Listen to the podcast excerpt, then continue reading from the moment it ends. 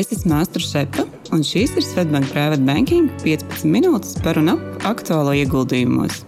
Katru piekdienu kopā ar kolēģiem un arī viesiem apspriedīsim karstākos jaunumus finanšu tirgos un labklājības veidošanas tēmās, lai aizraujoši klausīšanās.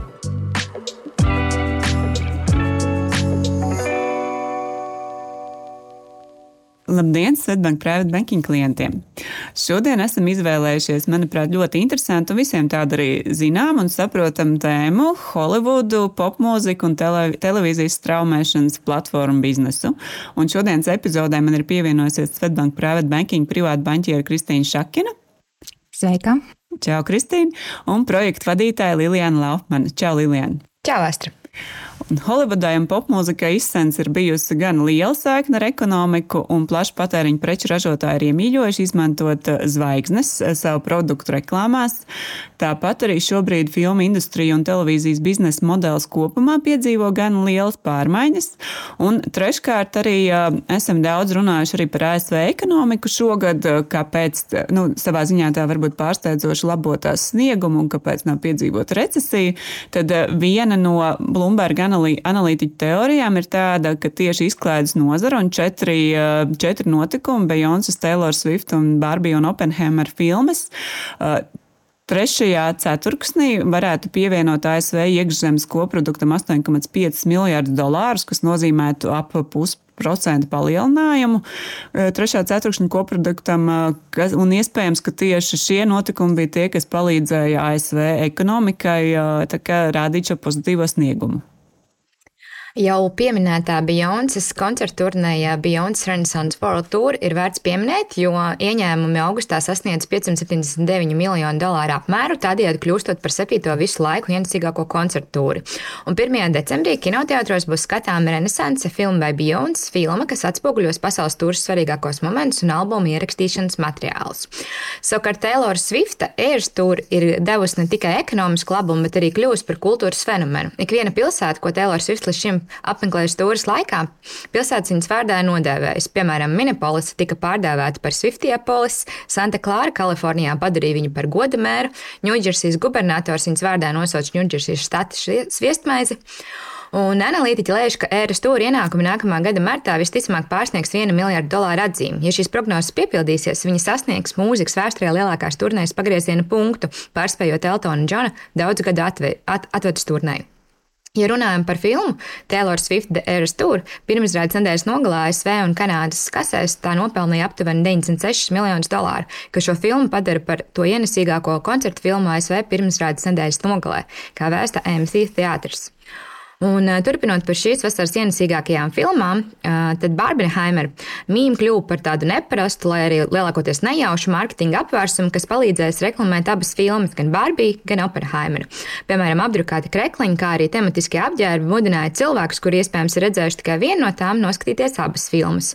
Un Barbie oficiāli kļūst par šī gada ienesīgāko filmu pasaulē, nopelnot 1,4 miljardus dolāru.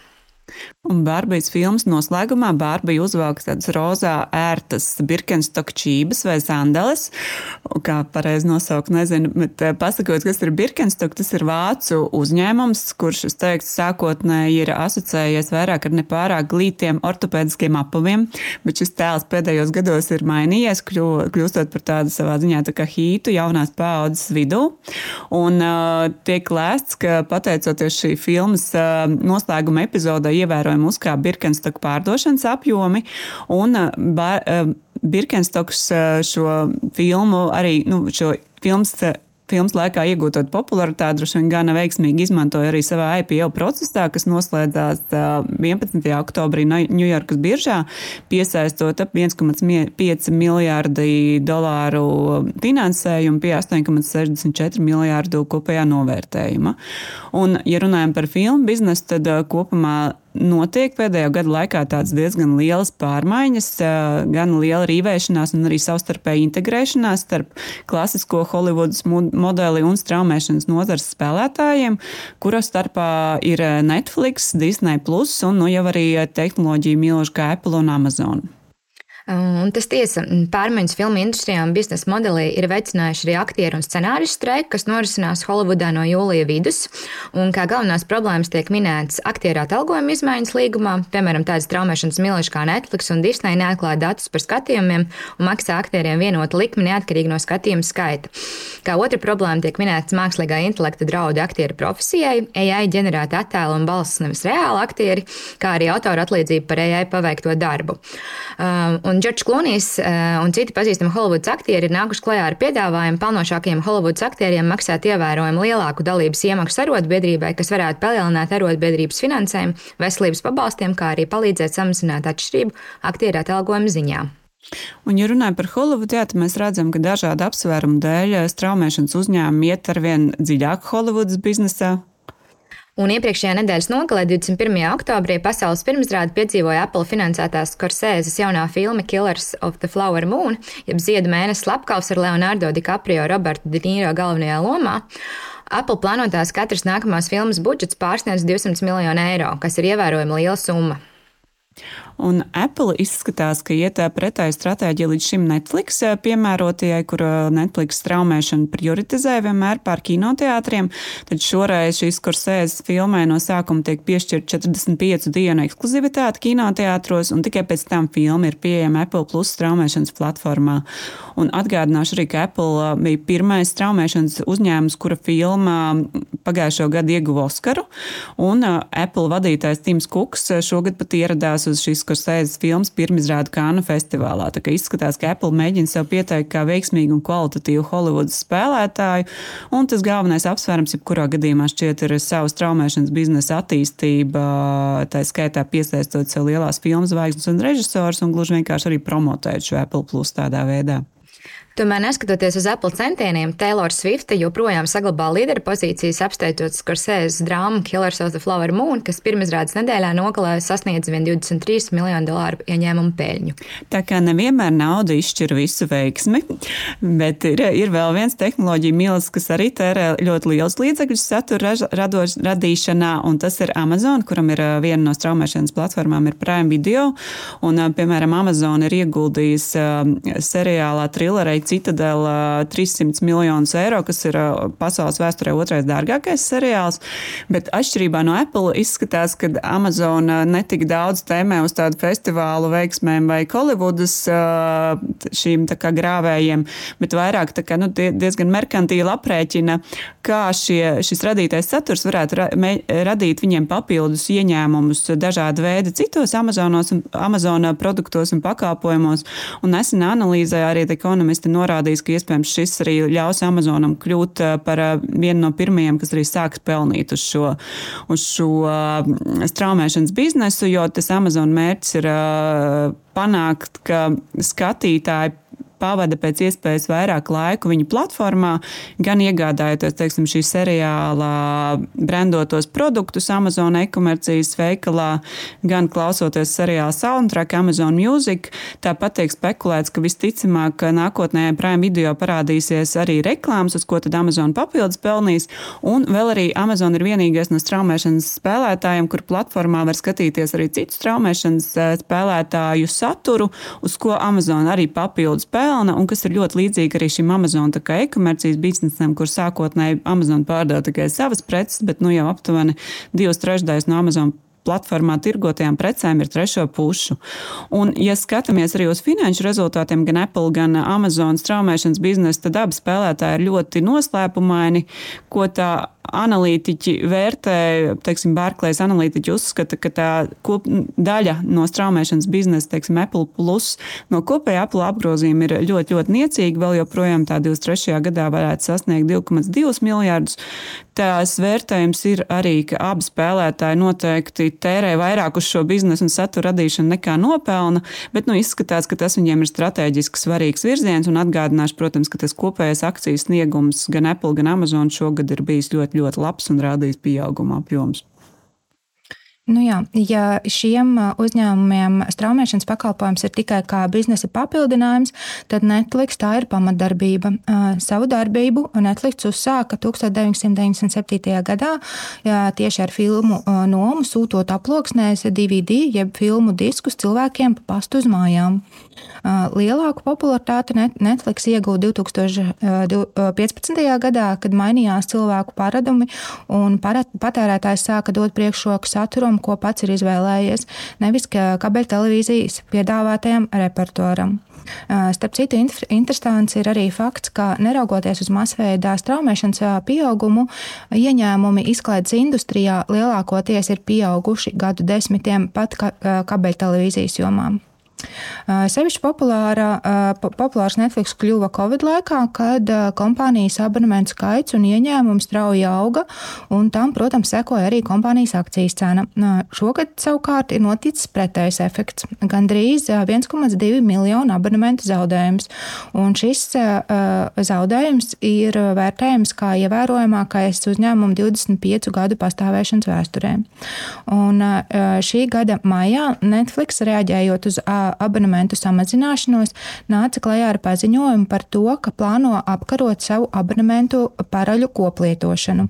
Tas nozīmē to, ka viens maisaimniecības ietveros lietotāji var izmantot vienu abonementa kontu, bet ārpus maisaimniecības bez maksas tas vairs nebūs iespējams.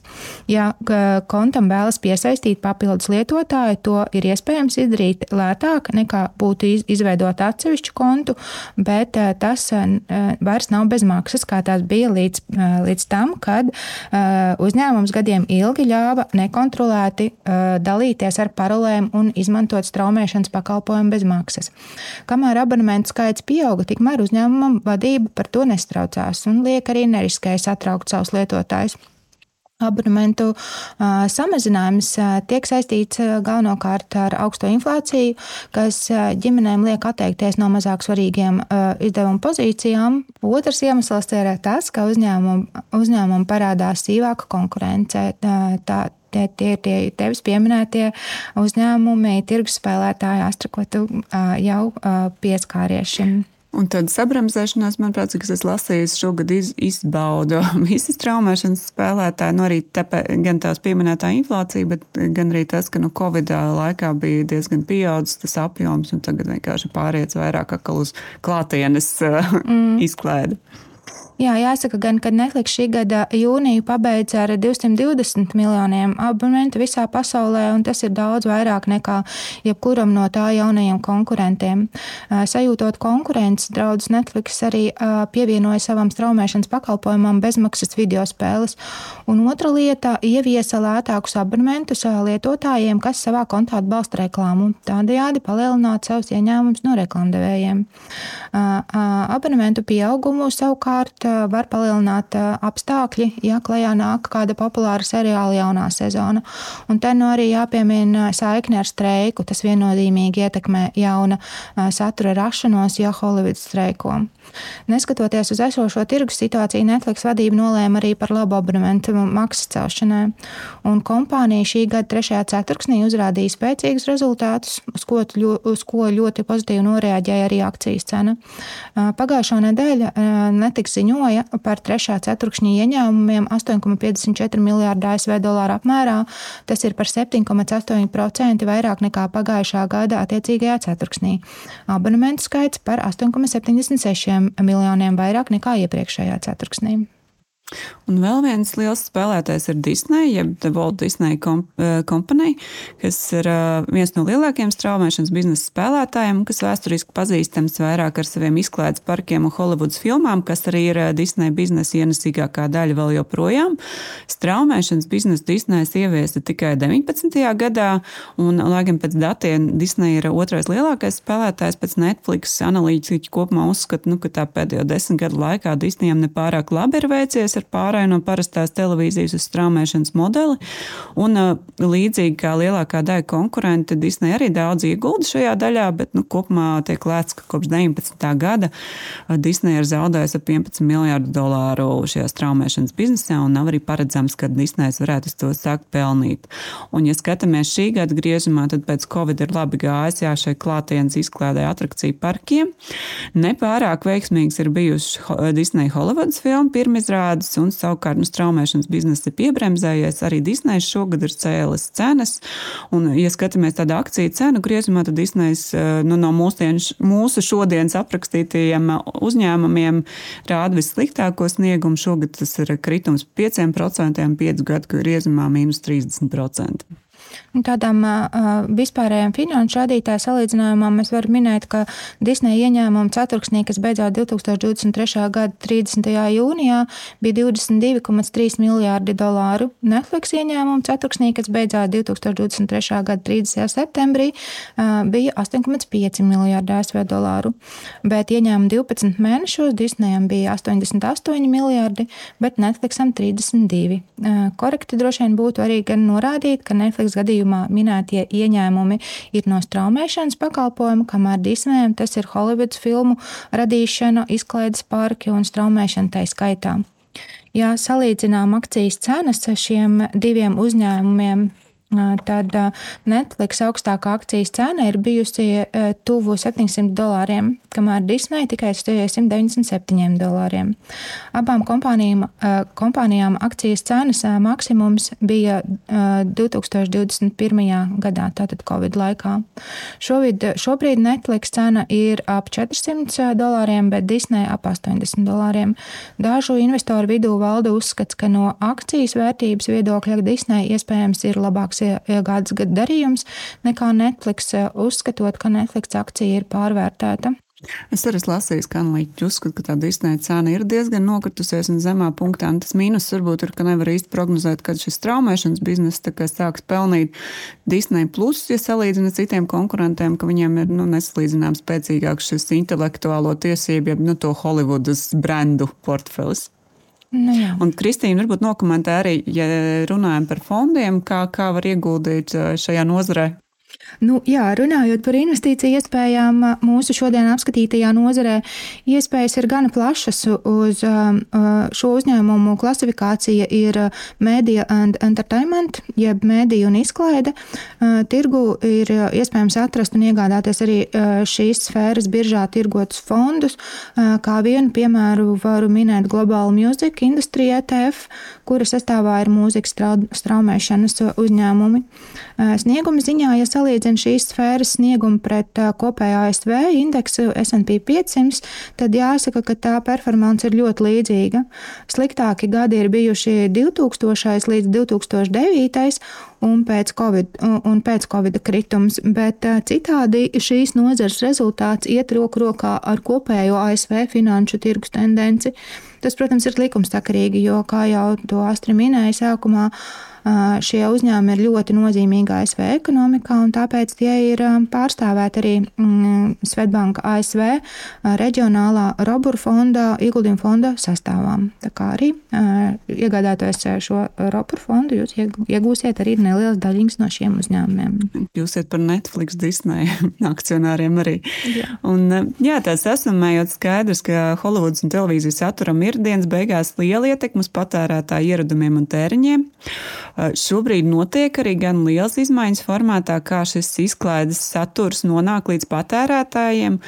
Redzam, ka lielie tehnoloģiju vārdi kā Apple un Amazon tērē liels līdzekļus, lai ietu izklaides satura radīšanas biznesā, un laikam pagaidām lielākā daļa spēlētāja cieši zaudējums. Skaidrs, nu, ka šie spēlētāji redz strateģiski lielu potenciālu šajā jomā, tā skaitā ieņēmumu ģenerēšanas potenciāla ziņā citām viņu pārstāvētajām produktu un pakalpojumu grupām. Tā kā pastāstījām šodien arī par tām iespējām, kā, kā var ieguldīt šajā jomā, ja nu tā jums interesē. Protams, izvērtējiet jūsu risku apetīti un, un vēlmes. Paldies liels manām kolēģiem Kristīne, paldies par, par dalību epizodē. Paldies, tev, Astra. Paldies, Lilian. Paldies. Un uz tikšanos nākamajā epizodē. Audio saturā dzirdētā informācija nav uzskatāms par ieguldījumu konsultāciju vai ieteikumu slēgt finanšu tirgus darījumus vai ieguldīt finanšu instrumentos. Paldies, ka klausījāties! Lai izdevsies diena un uz tikšanos nākamajā sarunā!